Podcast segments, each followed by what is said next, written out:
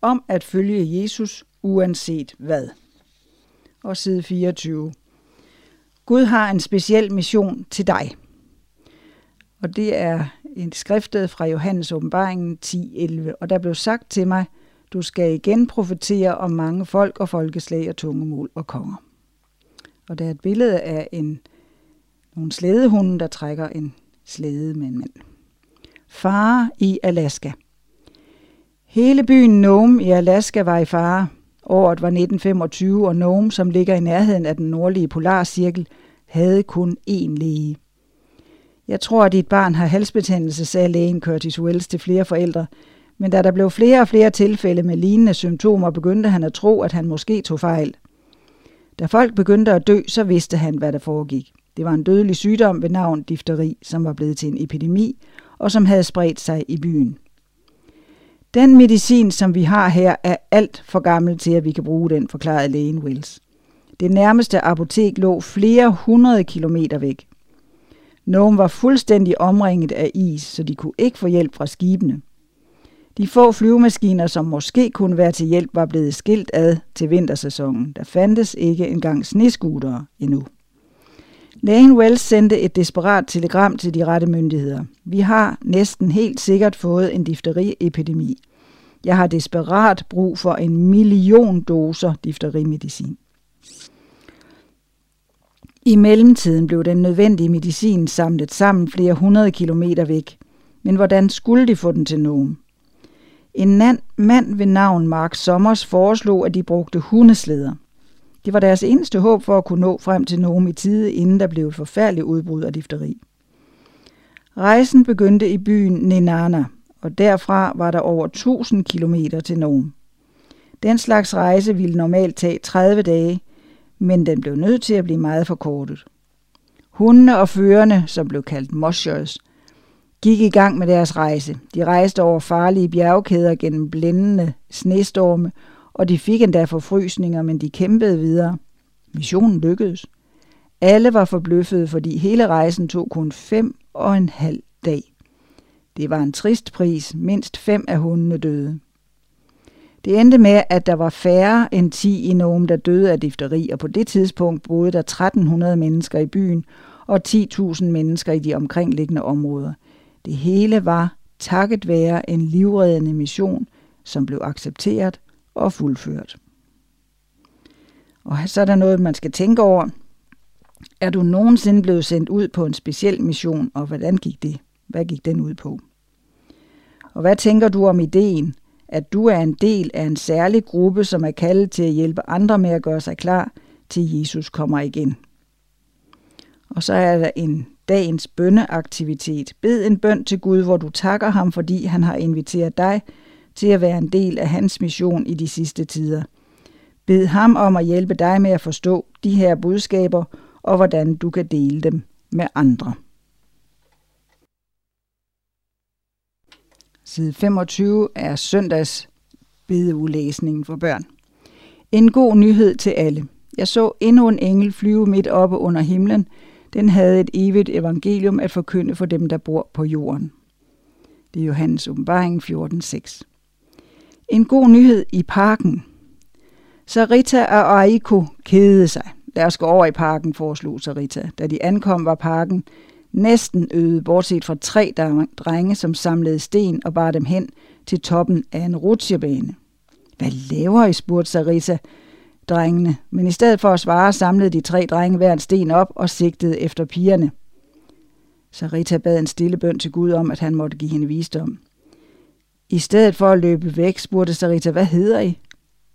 Drengene virkede forvirrede. Er du ikke bange for os, spurgte en af dem. Lidt, men jeg bad Gud om at være med os, sagde Sarita. Nu var bøllerne virkelig forvirret. De tabte deres ammunition og kom ned fra rutsjebanen. Der hørte Sarita en stemme, der viskede, fortæl dem om Gud, de skal nok lytte. Sarita kiggede rundt, og det gjorde Ariko også. Men der var ikke andre i nærheden. De tre drenge kom hen imod pigerne. De fortalte Sarita og Aiko, hvad de hed, og snart fortalte pigerne dem om Jesus, og drengene lyttede. Til sidst spurgte en af drengene pigerne, om de ville bede. Da de var færdige, begyndte drengen at bede, og han bad Jesus om tilgivelse. Derhjemme sagde Sarita, Eiko, da vi var hen i parken, hørte jeg nogen viske til mig inde i mit hoved, at jeg skulle fortælle drengene om Jesus. Eiko spærrede øjnene op. Det gjorde jeg også, sagde hun. Og så takkede pigerne Gud, fordi han havde givet dem en mulighed for at dele hans gode nyhed. Tænk over det. Hvordan vil du forklare evangeliet ved kun at bruge en eller to sætninger? Får du en ubehagelig fornemmelse i maven ved tanken om at dele den gode nyhed om Jesu kærlighed og frelse? Hvis ja, hvad tror du får dig til at føle sådan? Og så er det det, det du skal bede om i dag. Bed Gud om at vise dig, hvad evangeliet virkelig betyder for dit eget liv. Bed en bøn om, at du må være klar til at dele evangeliet, når tiden er inde. Side 26. Det er mandagsafsnittet. Vend dig væk fra synd. Tilbed ham, for timen er kommet, da han dømmer. Johannes åbenbaringen 14.7. En ballademager møder Jesus. Tre vrede mænd stormede pludselig ind, hvor Karls far, som var adventistpræst, stod og fortalte andre om Jesus. I har 10 minutter til at komme ud herfra, råbte en af mændene. Mændene havde en pistol, en kniv og en lang jernstang. Vi kommer tilbage om 10 minutter for at slås, råbte den slemme mand. Så vendte de tre ballademager rundt og gik ud igen.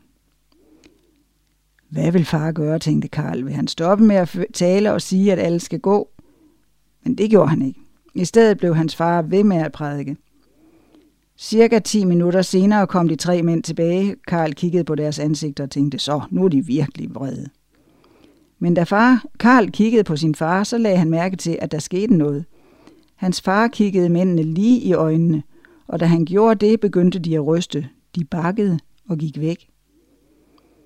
Nogle uger senere holdt Karls far en dåb i en nærliggende flod. Manden, som havde haft jernstangen, dukket op. Han kom hen til Karls far. Herre præst, sagde han, jeg vil også gerne døbes, men jeg er ikke klar endnu, fordi jeg har været en meget ond mand. Kan en mand som ham virkelig forandre sig og tjene Jesus, tænkte Karl. Men til hans store forbløffelse førte hans far manden ned til floden nogle få uger senere. Nej, hvor var Karl stolt af sin far, og hvor var han også forundret over, hvad der kan ske, når en ond person vælger det onde fra og vælger at følge Jesus. Tænk over det. Hvilken synd findes der i dit liv, som du gerne vil vende dig væk fra? Hvilke ting kunne gøre sådan, at du vender øjnene væk fra Jesus, og hvordan kan du ændre det? Og så er det det, du skal bede om i dag. Bed Gud om at hjælpe dig med at vende dig væk fra forkerte tanker og handlinger. Tak ham for hans kraft til at forandre og hans kærlige tilgivelse. Side 27, tirsdagsafsnittet. Tilbed Gud som skaber og hold hans sabbat hellig. Han, som har skabt himlen og jorden og hav og kilder. Johannes åbenbaring 14.7. Af en anden verden. Det var juleaften, og tre mænd var meget langt væk hjemmefra. Will, Jim og Frank var ikke engang på vores planet. De tre astronauter var inde i rumkapslen Apollo 8, og de kredsede rundt om månen. Langt væk kunne besætningen se lysstråler snige sig hen over jorden. Langvejs fra var solen ved at oplyse den lille blå planet. De tre astronauter havde ventet på dette øjeblik. Astronauten Bill Anders satte sig til rette og begyndte at tale ind i en mikrofon. Vi nærmer os nu tiden for solopgangen på månen, sagde han, og til alle jer nede på jorden har besætningen på Apollo 8 en besked, som vi gerne vil sende til jer. Hvad vil astronauterne fortælle os, undrede folk sig. I begyndelsen skabte Gud himlen og jorden. Astronauten var i gang med at læse fra 1. Mosebog, kapitel 1, vers 1. Det allerførste vers i Bibelen. Han fortsatte med at læse, og så overtog astronauten Jim Lowell Gud kaldte lyset dag, og mørket kaldte han nat. Det var også fra skabelseshistorien i Bibelen 1. Mosebog kapitel 1, vers 5. Astronauten Lowell fortsatte med at læse, og så var det den tredje astronauts tur. Gud sagde, vandet under himlen skal samle sig på et sted, så det tørre land kommer til syne, og det skete. Astronauten Frank Bormann fortsatte med at læse fra 1. Mosebog. Gud kaldte det tørre land jord, og det sted, hvor vandet samlede sig, kaldte han hav. Gud så, at det var godt. Astronauterne var så forundret over den skønhed og det underværk, som de kunne se ude fra rummet, at de følte, at de blev nødt til at prise nogen, som var større end dem selv. Astronauten Bormann sluttede af med disse ord. Må Gud velsigne jer alle sammen, alle jer på den gode jord. Efter det fortsatte Apollo 8 rundt om månen. Tænk over det her. Hvorfor vil Satan gerne have folk til at tro på evolutionsteorien i stedet for Gud som skaber? Hvorfor er det vigtigt for Gud, at folk holder den syvende dag, altså at sabbaten, hellig i stedet for søndag eller en anden dag? Dagens bønneaktivitet. Bed Gud om, at han vil vise dig flere og flere af hans skabte underværker. Bed ham om at hjælpe dig til at holde den syvende dag som sabbat, lige meget hvad. Side 28, onsdagsafsnittet. Hold dig fra falsk tilbedelse. Og en anden engel fulgte efter og sagde, faldet, ja, faldet er det store Babylon. Åbenbaringen 14.8. At finde sandheden i Tonga. Asipeli levede på den polynesiske ø Tonga ude i det sydlige Stillehav. Der havde han valgt at følge sin fars religion, men nu havde han nogle spørgsmål. Nogle uger før var nogle mænd ankommet til Tonga, og de holdt religiøse møder. Da de var nysgerrige, så deltog Asipeli og hans ven Manu. De blev helt chokeret, da de lærte om nogle idéer fra Bibelen, som de aldrig havde hørt om. Asipeli og Manu tog til møderne hver aften, da da møderne var slut, kendte de begge meget mere til Bibelen. Der var dog et spørgsmål, som nu nægede dem. Hvilket er den sande kirke? En dag annoncerede Asipele, et stort skib fra Australien kommer ind i havnen i morgen. Jeg vil gå ned til skibet og bede Gud om at vise mig en, som kan svare på mit spørgsmål, hvilken er den sande kirke. Nede ved havnen kiggede Asipele på de rejsende, der stod af skibet. Endelig så han en mand, som han følte Gud havde valgt for ham at snakke med. Undskyld, men er du kristen? spurgte Asipele. Lidt forskrækket, svarede manden, ja, jeg er kristen, hvorfor spørger du? Den ivrige tonganer skyndte sig at stille sit spørgsmål. Kan du fortælle mig, hvilken kirke der er den sande kirke? Passageren havde haft bibelstudier i et par måneder, og han havde lært lidt om Bibelens sandheder. Skriv til denne adresse, sagde han til Asipeli. De vil fortælle dig, hvilken kirke der er den sande kirke. Asipeli fandt en blyant frem og skrev adressen ned, som manden gav ham, og på et tidspunkt begyndte han at gå til bibelstudium via brev. Asipeli lærte om Guds sande kirke, en kirke, som troede på Jesus og holdt alle de ti bud, inklusiv den syvende dag som sabbat. Inden længe blev Asipeli og Manu døbt i Adventistkirken. Det er utroligt, hvordan Gud leder os, når vi inviterer ham til at være en del af vores liv. Og så skal, er der noget at tænke over. Har du nogensinde fulgt efter nogen eller noget, som førte dig hen af den forkerte vej? Hvad vil du gøre anderledes? Har du nogle venner eller familiemedlemmer, som virker til at være en del af en kirke, der ikke helt følger den bibelske sandhed? Hvordan har du det med det? Dagens bønneaktivitet. Bed Gud om, at han tydeligt må vise dig, hvilken kirke der er hans sande kirke. Tak ham, fordi han har passet på sit ord til os i Bibelen igennem tiden, så du kan læse den sandheder i dag. 29. Torsdagsafsnittet. Hold dig til Bibelen. Og den tredje engel fulgte efter dem og sagde med høj røst, hvis nogen tilbeder dyret og dets billede og sætter dets mærke på sin pande eller hånd. Det er åbenbaring 14.9. At gemme sig på sabbaten. 11 mennesker samledes på en skjult fodbred, flodbred i det sydlige Europa. Det var sådan på denne tid i dette land, at syvendagsadventister blev truet med vold – en folkemængde hørte om dåben, og de angreb de nyligt døbte medlemmer. Der skete det sørgelige, at en mor til børn blev dræbt af folkemængden. Kvindens to børn var Alex på 10 og hans søster Maria på 8. Nogle af deres slægtninge fandt et nyt hjem til den. Efter morgenmaden på deres første sabbat i deres nye hjem gik Alex og Maria ud og gemte sig i en stor bunke hø, så de kunne studere deres sabberskolelektier og læse i Bibelen. Da de kom tilbage, bankede manden i hjemmet Alex og Maria. Den næste sabbat tilbragte de dagen i en nærliggende skov, og da de kom hjem, blev de endnu engang banket af plejefaren. Den tredje sabbat blev de stoppet af plejeforældrene, inden de kunne nå hen til skoven. Men manden var i gang med at banke Alex og Maria, ankom nogle af naboerne. Senere meldte de det til myndighederne, og plejeforældrene blev anholdt. Da plejeforældrene skulle straffes, sagde dommeren barsk, I skal bankes, ligesom I har banket de her børn. Pludselig rejste Alex sig og sagde, nej dommer. Vær venlig ikke lade dem få bank. Det er rigtigt, at han har banket både mig og min søster, fordi vi holder sabbaten. Men det gør ondt at blive banket. Det ved vi alt om. Der står i det nye testament, at vi skal elske vores fjender og bede for dem. Dommeren blev blød om hjertet. Han ombestemte sig, at plejeforældrene blev ikke banket, men de skulle skrive under på et løfte om, at de aldrig mere ville genere børnene for deres tro. Inden længe begyndte plejefaren faktisk at gå til bibelstudie hos nogle lokale adventister, og han blev døbt. Der var ingen, der var mere glade over dette end Alex og Maria. Tænk over det. Hvordan har du det med tanken om, at man kan blive straffet for sin tro? Kan du komme i tanke om nogle historier fra Bibelen, hvor nogen blev straffet på grund af deres tro? Og bønneaktiviteten, tak Gud for de mange eksempler, som vi har, hvor folk står fast ved deres tro lige meget hvad. Bed ham om mod til at kunne gøre det samme. Side 30, og det er fredagsafsnittet. Guds kærlighed vinder. Skal han også drikke Guds harmes vin? Åbenbaringen 14.10. Den giftige drik.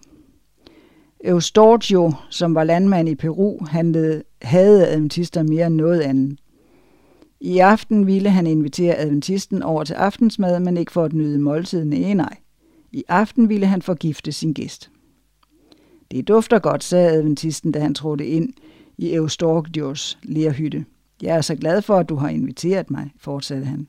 Jeg har så meget, som jeg gerne vil fortælle dig om. Om hvad der er sket, siden jeg inviterede Jesus til at blive en del af mit liv. Det lyder godt, løg, Eustorgio. Hvorfor fortæller du mig ikke om det, mens vi spiser? De to mænd satte sig ned til et enkelt måltid med ris og bønner, og foran hver af dem stod et glas med noget at drikke. Glasset foran adventisten havde små blomster på den og den dødelige gift i den. Adventisten bøjede hovedet og takkede Gud for det måltid, som var foran dem, og inden længe tog han glasset med juice og slugte det i en stor mundfuld. Ja, det smagte vidunderligt, sagde han. Papaya juice er min favorit. Jeg lavede den lige til dig, sagde Eustortio. Med et ondt smil. Snart ville denne adventist falde om og dø, tænkte han. Men som minutterne tikkede videre, skete der ikke noget. Eustorgio rokkede nervøst på sin stol. Der gik to timer, alt imens adventisten nød maden og talte om Guds kærlighed. Til sidst rejste adventisten sig op for at gå, men først inviterede han Eustorgio til at komme med ham i kirke på sabbaten. Mens manden gik væk, fandt, faldt Eustorgio ned på knæ i sin hytte. Rysten, tænkte han, hvordan kan den mand stadig være i live? Er han en slags troldmand, eller måske er alt, hvad han har sagt om Gud, virkelig sandt? Åh, oh, du som er Gud for adventisterne, viskede Eustorgio. Nu kan jeg se, at du er virkelig, og at du har kraft til at frelse. Frels også mig. Tænk over det. Kan du komme i tanke om nogle åndelige løgne, som folk tror på? Og noget med bøn. Tak Gud for den frihed, som du har til at vælge din tro. Bed ham om at lære dig alt om hans kærlighed og hvordan den tager enhver frygt, som man kan have om de sidste tider væk. Side 31, det er den anden sabbat. Den sidste rest. Her kræver det udholdenhed af de hellige, dem som holder fast ved Guds bud og troen på Jesus. Åbenbaring 14.12. Udfordringen i de to historier. Se om du kan finde ud af, hvad de næste to historier har til fælles. Første historie. Tæppet i Nadjas soveværelse var blevet slidt, og hendes forældre sagde, at hun godt måtte vælge en ny farve. Åh, oh, jeg elsker den der, sagde hun og pegede på en rulle lyserødt tæppe. Hendes mor og far gik med til det. Salgspersonen sagde, at det er et populært valg. Der er faktisk kun en lille rest tilbage fra et meget større udvalg. Jeg ser lige, om jeg ikke kan give dig et tilbud på den. Så er det den anden historie. Elias havde været på flugt fra den onde dronning Jezabel. Udmattet krøb han ind i en hule for at tilbringe natten der. Han var så ensom.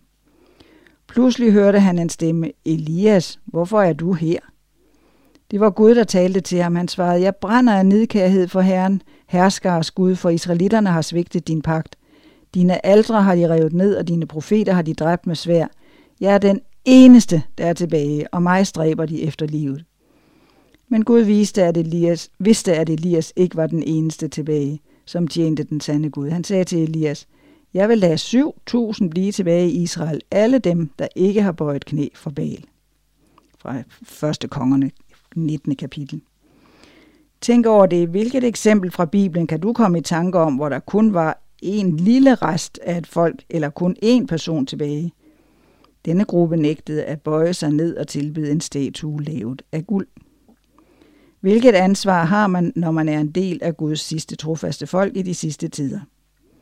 Og så er det dagens bøn. Bed Gud om tydeligt at vise dig hans sidste trofaste folk. Bed ham om at give dig mod til altid at følge Jesus og holde de ti bud.